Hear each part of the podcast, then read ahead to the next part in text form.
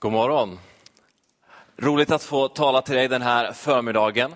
Eh, om du har möjlighet så ska vi ta och ställa oss upp eh, och be tillsammans en kort bön för eh, den här stunden. Ehm, vet inte riktigt hur din vecka har varit. Min vecka har varit enormt innehållsrikt. Vi hade samlade runt 150-160 ungdomar som inte varit i kyrkan tidigare i fredags. Vi har haft en mängd olika aktiviteter, bönesamlingar. Eh, vi har alla, kanske de flesta av oss, jobbat, gått till skolan. Eh, vi har råkat ut för både det ena och det andra av både bra kanske och kanske dåligt, kanske rent av hemskt. Oavsett vad som du har varit med om den här veckan så kan vi ta en, ett par minuter nu och bara få fokusera på Jesus. För det är han som är anledningen till att vi är här idag. Eh, och vi kan bara få eh, överlåta den här stunden till honom. Jesus, vi älskar dig så mycket. Vi tackar dig Jesus för att vi kan få samlas här idag. Och jag ber dig i Jesu namn att du skulle ta emot var och en av oss här idag. Att vi skulle få överlåta oss själva till dig. Gud, hjälp oss att lägga åt sidan den här veckans händelsen. Goda som dåliga. Låt oss bara få den här stunden fokusera på dig. Hjälp oss i vårt sinne, i vårt hjärta, i vår ande, själ, vår kropp här och bara kunna få fokusera på dig. Gud, det är så mycket som drar i, i den här tiden, i den här stunden vi lever i. Men eh, vi är så tacksamma Herre att vi kan få kalla dig just Herre, att vi kan få sträcka oss efter dig. Och vi ber att ditt ord skulle träffa våra hjärtan, förvandla våra liv. Och när vi går härifrån idag så är vi inte densamma. Någonting har hänt. Någonting gör du på insidan av oss. I Jesu namn. Amen. Varsågod och sitt. Det finns eh, en bibelvers som står i eh, ett bibelord som jag skulle vilja tala utifrån idag. I Lukas evangelium kapitel 9 eh, och vers 23. Lukas 9 och 23. Så säger Jesus så här, om någon vill följa mig ska han förneka sig själv, varje dag ta sitt kors och följa mig. Till den som vill bevara sitt liv skall mista det, men den som mister sitt liv för min skull, han ska vinna det. Vad hjälper en människa om hon vinner hela världen men förlorar sitt liv eller själv går förlorad? I en annan översättning som heter The Message står det så här. Den som vill vandra med mig måste låta mig visa vägen. Det är inte ni som styr, det är jag. Fly inte lidandet, ta emot det med öppna armar. Följ mig så ska jag visa er. Att hjälpa sig själv är ingen hjälp. Att offra sig själv är vägen. Min väg till att rädda sig själv, sitt sanna jag. Vad har ni för nytta av att få allt ni önskar om ni går miste om ert själva, ert sanna jag.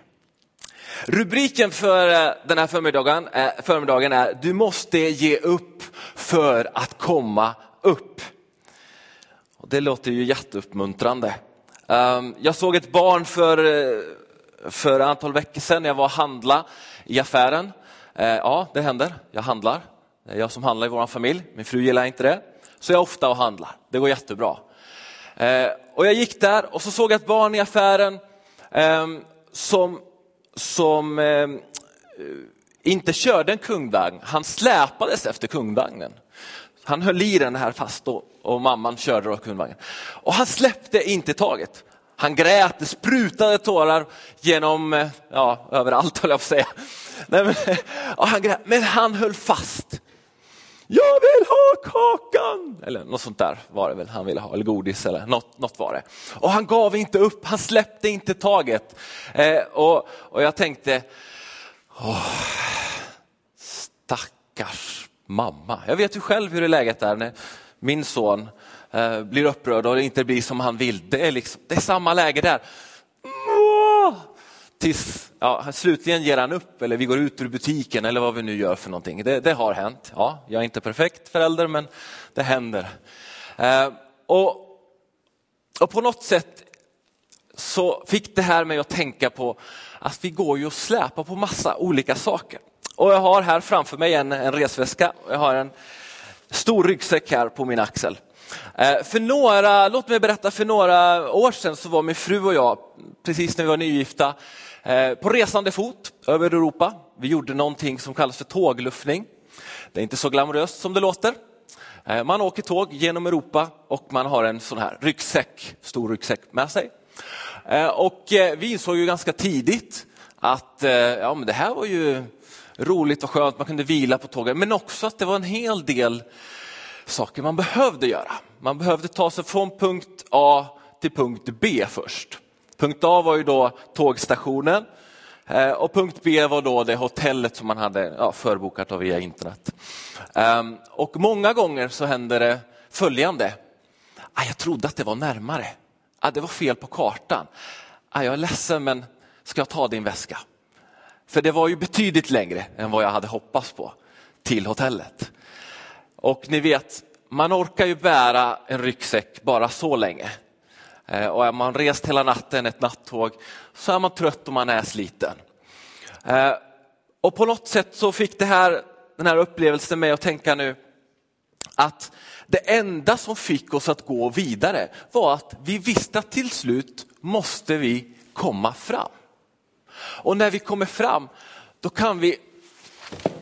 Oh, ah, jag räddade den. Kan vi lägga av oss våra ryggsäckar och, och sen kan vi ha roligt.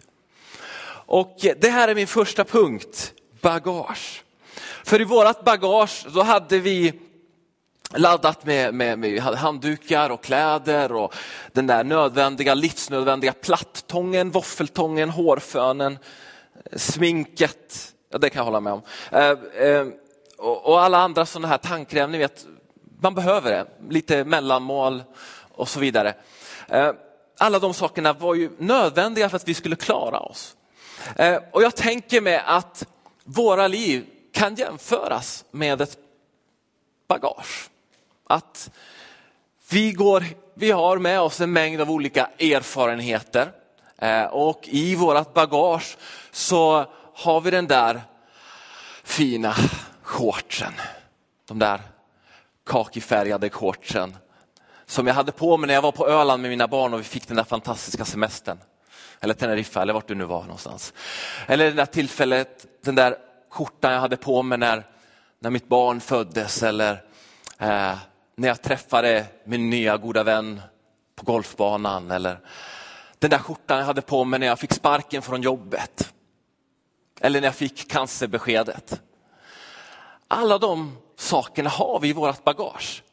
När vi ha på oss de där som var de bästa skorna och så svek min bästa vän med. Vi har alla vårt bagage. Och nu talar jag såklart, som ni redan förstår, inte bara om kläder utan våra erfarenheter, våra liv. Och alla de sakerna håller oss många gånger nere. Jag vet inte hur det är med dig, men, men när jag går och bär på någonting tungt så klarar jag bara en viss sträcka. Sen måste jag stanna upp och vila. Men när jag kan få en möjlighet, precis som jag var med om häromdagen, det, det var en, en, en, äldre dam som, som, som var återigen handla um, och, eh, och såg väldigt tungt ut när hon bar kassen. Så frågade jag, kan jag hjälpa dig? Oh, pratar du med mig ungefär? Ja, men det går bra. Ja, så hjälpte jag eh, den äldre damen, eh, eh, bar kassen till, till, till bilen. Det var ingen stor sak. Åh, oh, vad skönt, tack. Jag vis, visste inte riktigt om jag skulle klara av den kassen. Ja, men varsågod. Och så gick jag. Sen var det inte mer med det. Men på något sätt, om man kan få hjälp så tar man ju den, eller hur? Men jag tror att många gånger, helt i onödan, så går vi och bär på saker, vårat bagage, år in, år ut. Och det blir bara tyngre och tyngre och tyngre. Och jag tror inte att det är Guds syfte att vi ska bära på vårat bagage. Bibeln berättar om hur Jesus dog för var och en av oss. För vårt bagage, våra erfarenheter. Och även om vi kanske vet om den här kunskapen och vet att ja, men så här är det. Jag vet att han dog för mig och för mina synder och för, för, för allt mitt bagage. Jag vet om det, men jag lever inte det varje dag. Jag, som att vi nästan glömmer bort det. Varför är det så? Jo, för att jag tror att vi är så fullt upptagna med att försöka klara av saker i egen hand. Ibland är det som att vi, vi tänker oss, bara jag klarar av att göra de här sakerna så kommer det att bli bra. Bara jag klarar av det här steget, den här dagen, så kommer allting bli bra. Bara jag ber Gud om kraft och när han ger mig kraft, då kommer jag klara av att göra det här. Och så är det ibland som snabblim, funkar inte på en gång så ger jag upp. Fäster inte den här tallriken, den här hörnet, när jag limmat dit det direkt, då ger jag upp. Den här snabba lösningen, om inte det funkar nu, då ger jag upp. Varför då? För jag har ett bagage. Och du kan tänka så här och det är helt okej. Okay. Men du vet inte vad jag har varit med om. Du vet inte vad jag har gått igenom, du vet inte människorna som omkring mig. Aldrig någonsin har någon hjälpt mig att bära, burit min väska. Eller min kasse ens. Aldrig någonsin, aldrig någonsin har jag upplevt en förändring i min situation. Eller jag har gjort det, men det var så många år sedan så att det, det har jag glömt bort. Men jag tror och jag vet att det finns en Gud som är större än vårat bagage. Som är större än alla våra erfarenheter, än alla våra motgångar. Som inte bara vill bära ditt bagage, som vill lyfta det av det från dig för alltid.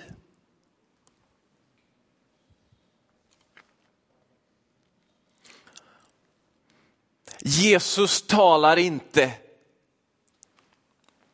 i Lukas 9 om att förneka det vi har varit med om. Inte förneka våra motgångar, det som är svårt, utan han talar om att omfamna det. Och skulle vem som helst säga det till mig så skulle jag säga, är du galen? Hur kan du omfamna det här? Det är ju fel. Allting ska vara bra. Det ska vara mysigt, fredagsmys, chips och choklad och cola. Det ska vara bra hela tiden. Men Jesus talar om någonting helt annat. Och hans utgångspunkt tror jag, det är Lukas 4. Det står så här, Lukas 4.18. Guds ande är hos mig, han har utsett mig till att förkunna budskapet om de goda nyheter till de fattiga.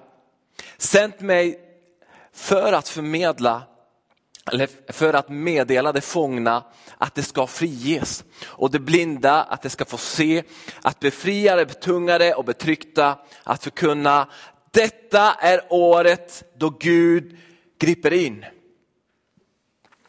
Är det inte dags att det här ska bli året då Gud griper in i ditt liv, i mitt liv?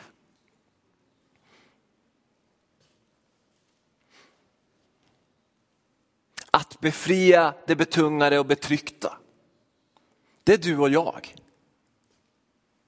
Oavsett om det är stort eller litet bagage du har. Så ryms det allting inom någonting som vi kallar för nåd. Jesus vill lyfta av det. Det betyder inte att hej svejs så kommer allting bara glömmas bort. Nu minns du inte dina erfarenheter. Nej, betyder inte det. Utan det det betyder, det är att när Jesus lyfter av oss vårt bagage så ger han oss en frihet. Jag vet inte hur det är med dig, men när jag har en stor ryggsäck på mig som den här, som jag råkat lasta alldeles för många saker egentligen, ehm, för att bevisa den här poängen, men så kan jag springa i en viss hastighet. Eller hur? Ehm, men om jag skulle springa utan den här ryggsäcken så blir det liksom lättare, va? eller hur? Att röra sig. Och det här är en biblisk princip som jag tror vi behöver applicera, inte en gång i veckan, en gång i månaden, någon gång när vi var unga eller när jag har tid längre fram i livet, utan så vi kan applicera varje dag av vårt liv. Tack Jesus för att du tar mitt minne och när min pappa slog mig när jag var liten. Eller tack Gud för att du hjälper mig att vara den bästa föräldern eller vara den bästa vännen för min granne. Tack Gud för att du bär mig idag när jag känner att jag är så långt nere, så tyngd. Tack Gud. Tack Gud. I Filipperbrevet 3 och 13 så står det så här, jag glömmer det som ligger bakom och sträcker mig mot det som ligger framför. Jag glömmer det som ligger bakom. Och det kan vara så många gånger att vi har så svårt att glömma. Och vi använder ofta, jag använder ofta den, men om du bara visste omständigheterna att det är på det här sättet.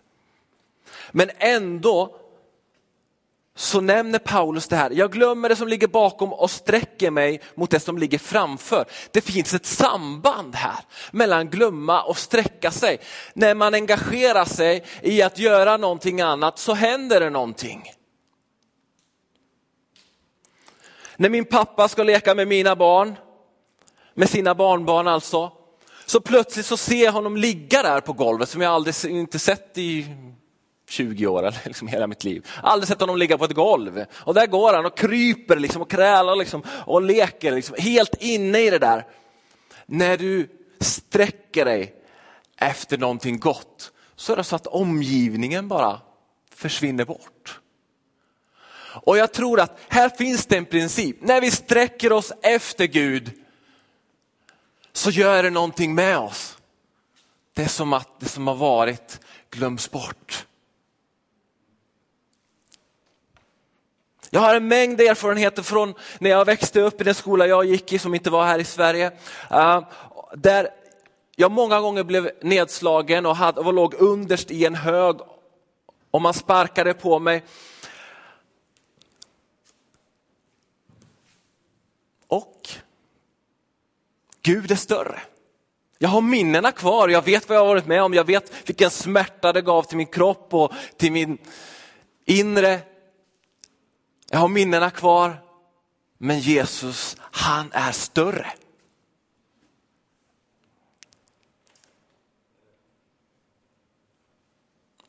Jag tror att ibland, om jag får använda det uttrycket, vilket jag får, för nu har ni ingen chans, så tror jag att vi behöver strunta vi behöver välja i att strunta i vårt bagage. Ibland tror jag faktiskt det är väldigt starkt.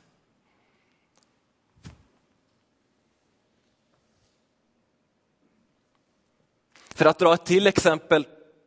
Jag är enormt höjdrädd. Det finns inga gränser för hur höjdrädd jag är alltså. jag är jättehöjdrädd. Det, vi skulle upp till Eiffeltornet för några år sedan, ja, när vi var och tågluffade. Ja, det var svårt. Det var svårt. Kom inte långt där. Eh, jag har gjort höghöjdsbana, det gick inget bra där heller. Och så i sommar så stod jag inför utmaningen att jag skulle upp på en byggställning utanför mitt hus. Vi skulle eh, bygga, renovera om fasaden. Ehm, jag hade inget val. Så jag står där, ni vet en byggställning gungar. Jag är höjdrädd, ingen bra kombination. Men jag hade inget annat val, det skulle göras. Och lite envis som man är så gick jag upp där, uh, långt ner. Man blir väldigt, får en väldigt bra relation här med Gud. va? när, man, när man ställs inför sådana lägen. Och är du höjdare så förstår jag vad jag menar. Annars kan du applicera det mot eh, om du möter en stor råtta eller jag vet inte vad du är. Liksom, känner lite fruktan inför. um, och, och, så stod jag där och, eh, och bara gjorde det. Och när jag gjort det en gång så insåg jag att det här är ju bara inte en gång, det är flera gånger jag ska upp hit. Jag ska upp här ett antal veckor den här sommaren. Det var inte lätt. Men för varje gång så blev det lättare och lättare och lättare.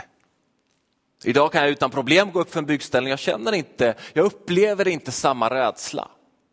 Jag känner mig tryggare, upplever tryggare i det sammanhanget.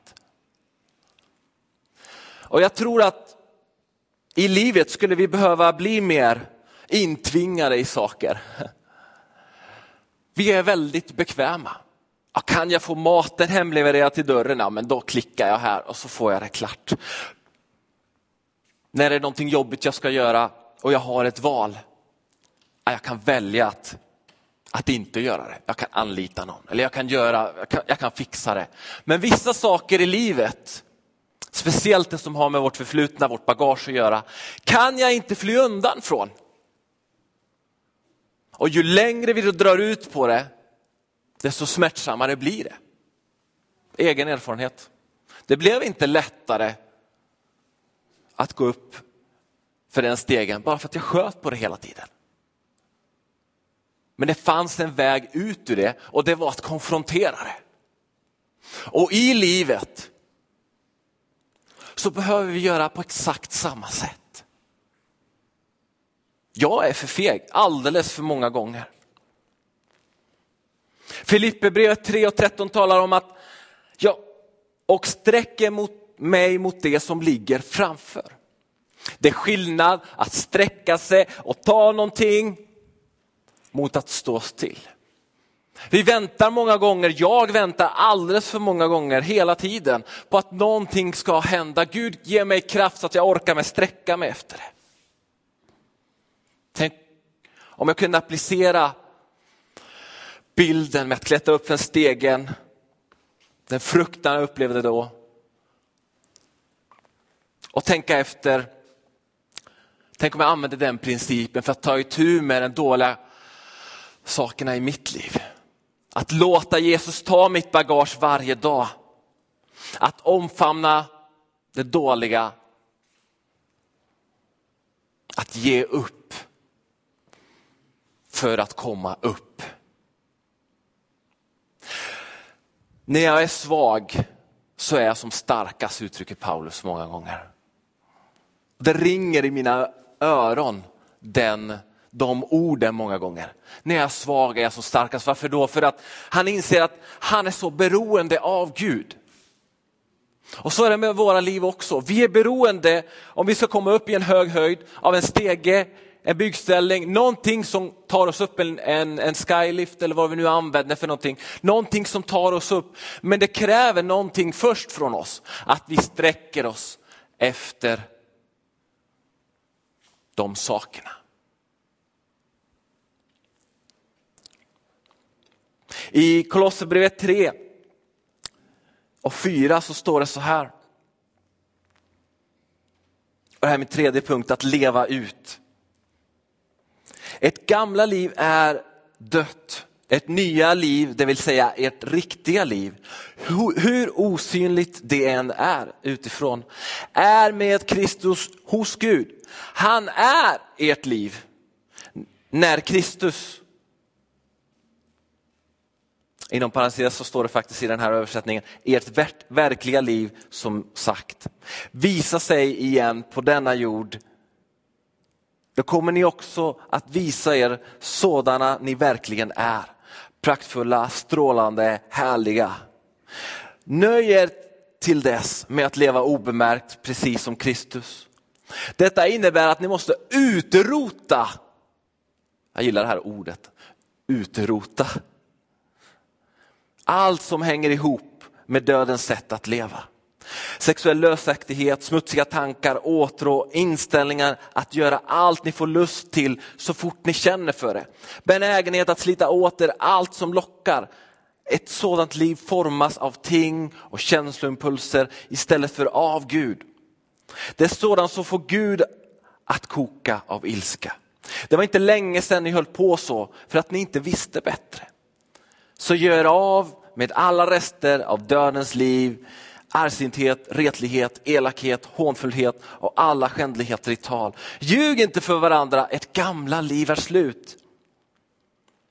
Det är som en hög slitna illaluktande paltor som ni har tagit av och lagt på elden. Ni har fått en splitter ny garderob istället. Vartenda plagg i det nya livet är måttsytt av skaparen och bär hans märke. Det gamla modet är helt föråldrat. Ord som judisk och icke-judisk, religiös och icke-religiös, infödd och utlänning, slav och fri. Det betyder ingenting. Från och med nu är det Kristus som gäller för alla och alla får rum hos Kristus. Jag vet inte hur det är med dig, men jag har en benägenhet att hitta ursäkter för allting jag gör. Ja, men det var inte riktigt så, det berodde på det här. Eller det, var, ja, det står inte riktigt här i Bibeln, jag kan inte läsa om de här sakerna. Det står inte ordagrant på det sättet. Och så inser jag min egen försök till logisk förklaring att det är bara en ursäkt för synd. Och samhället genomsyrar oss och vårt bagage genomsyrar oss om det får fortsätta tynga oss. Och det enda vi söker efter, någonting som kan göra det lättare att bära vårt bagage. För att vi är inte beredda att ge upp inför den som vill ta vårt bagage. Du kan ta en energidryck som ger dig en sockerkick och så orkar du bära det här bagaget. Eller du kan ta alkohol för att döva ditt bagage men det är fortfarande kvar. Aldrig har man hört någon som har sagt att Åh, jag är tacksam till alkoholen har räddat mitt äktenskap. Eller 15 år av porrsurfning har tillfredsställt mig fullständigt. Saker som inte står om i Bibeln men som förvisso vi möter. Aldrig står det någonting av det där. Däremot så står det i Bibeln, lämna alla bördor, kom till mig. Ni ska få det levande vattnet. Någonting händer när vi ger upp, när vi kapitulerar inför Gud. Och det är inte en engångsupplevelse, jag tror att det är en varje dag upplevelse. Galaterbrevet 2.20 säger, och nu lever inte längre jag utan Kristus lever i mig. Och det liv jag nu lever i min kropp, det lever jag i tron på Guds son som har älskat mig och utgivit sig för mig. Efesierbrevet 2 talar om att nu får ni som har levt så långt borta leva nära mig. Där står Jesus med utsträckta armar. Jag tycker den här Jesusstatyn i Brasilien är så talande. Man lyste på den, man belyste den, man visade den i tv. Där står Jesus med öppna armar över en hel stad. Som delvis har fullständigt förfallet. Men där står Jesus och en så talande bild. För många människor kommer till Jesus blir påminda av, honom, av honom när de ser den. Men de sträcker sig efter den osynliga guden och säger, okej, okay, ta mitt bagage.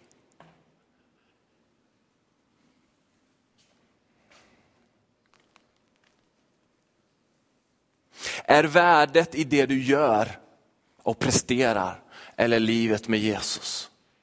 Vad finner du värde i?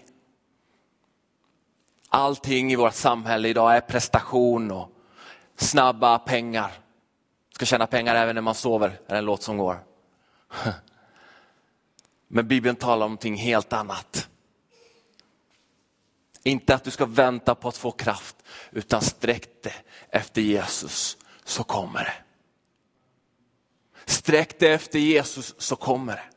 Och det här skulle jag vilja uppmuntra dig, utmana dig att göra idag.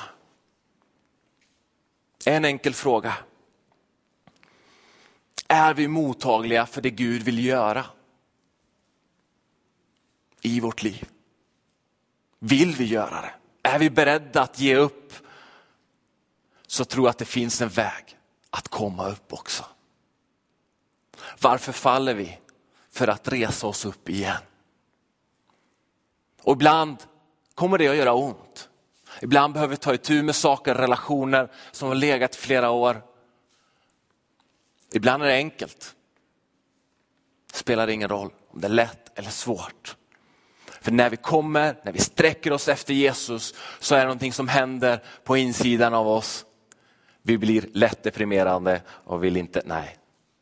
Någonting händer på insidan av oss när vi sträcker oss efter Jesus. Han fyller oss med sin heliga ande, glädje, frid, ger oss kraft, styrka, vishet att klara av olika situationer. Han ger det du och jag behöver varje dag. Och livet med Jesus är just detta. Att veta när det är dags att ge upp. Och när det är dags att lägga ner sitt liv för Jesus. Och idag skulle jag vilja bjuda in dig att ta ställning. Att, att ge upp. Det finns bitar, delar i mitt liv, stora delar jag behöver ge upp. Och idag skulle jag vilja utmana dig att, att ge upp inför Gud. Låt honom få komma in i ditt liv, ta större plats. Sluta kompromissa. Väga vad du kan tjäna mest på. Och istället bara låta Gud få bli ditt liv. Om du vill gensvara så vill jag uppmuntra dig att vara med i den här bönen. Det kommer ge möjlighet om du vill att någon ska be för dig, för det här eller om du är sjuk idag så vill vi jättegärna be för dig om helande. Och eh, om du vill gensvara ska vi uppmuntra dig idag att be till Gud. Gud, inkludera mig i den här bönen nu. Herre, vi kommer till dig.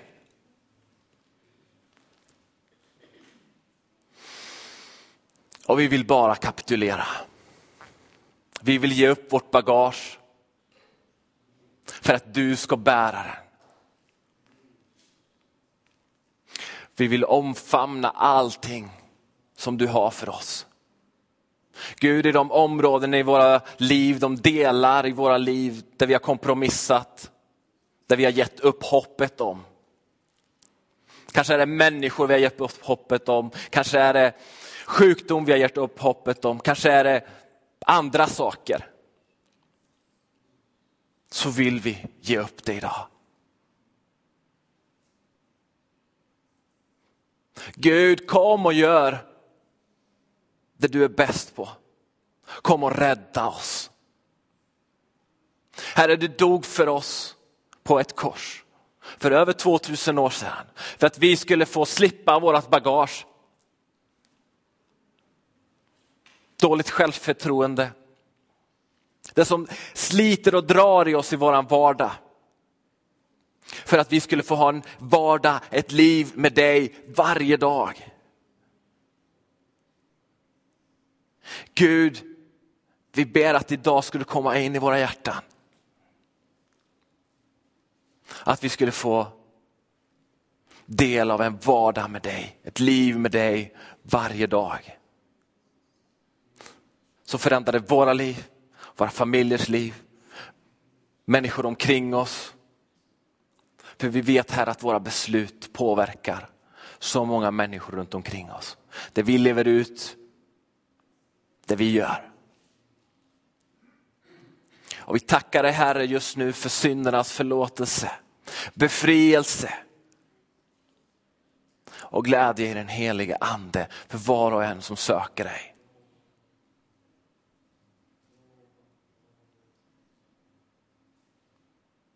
Gud, vi vill aldrig vara likgiltiga inför dig. Vi vill leva ut vår tro på dig varje dag. Tack Herre för att du tar emot oss. I Jesu namn. Amen.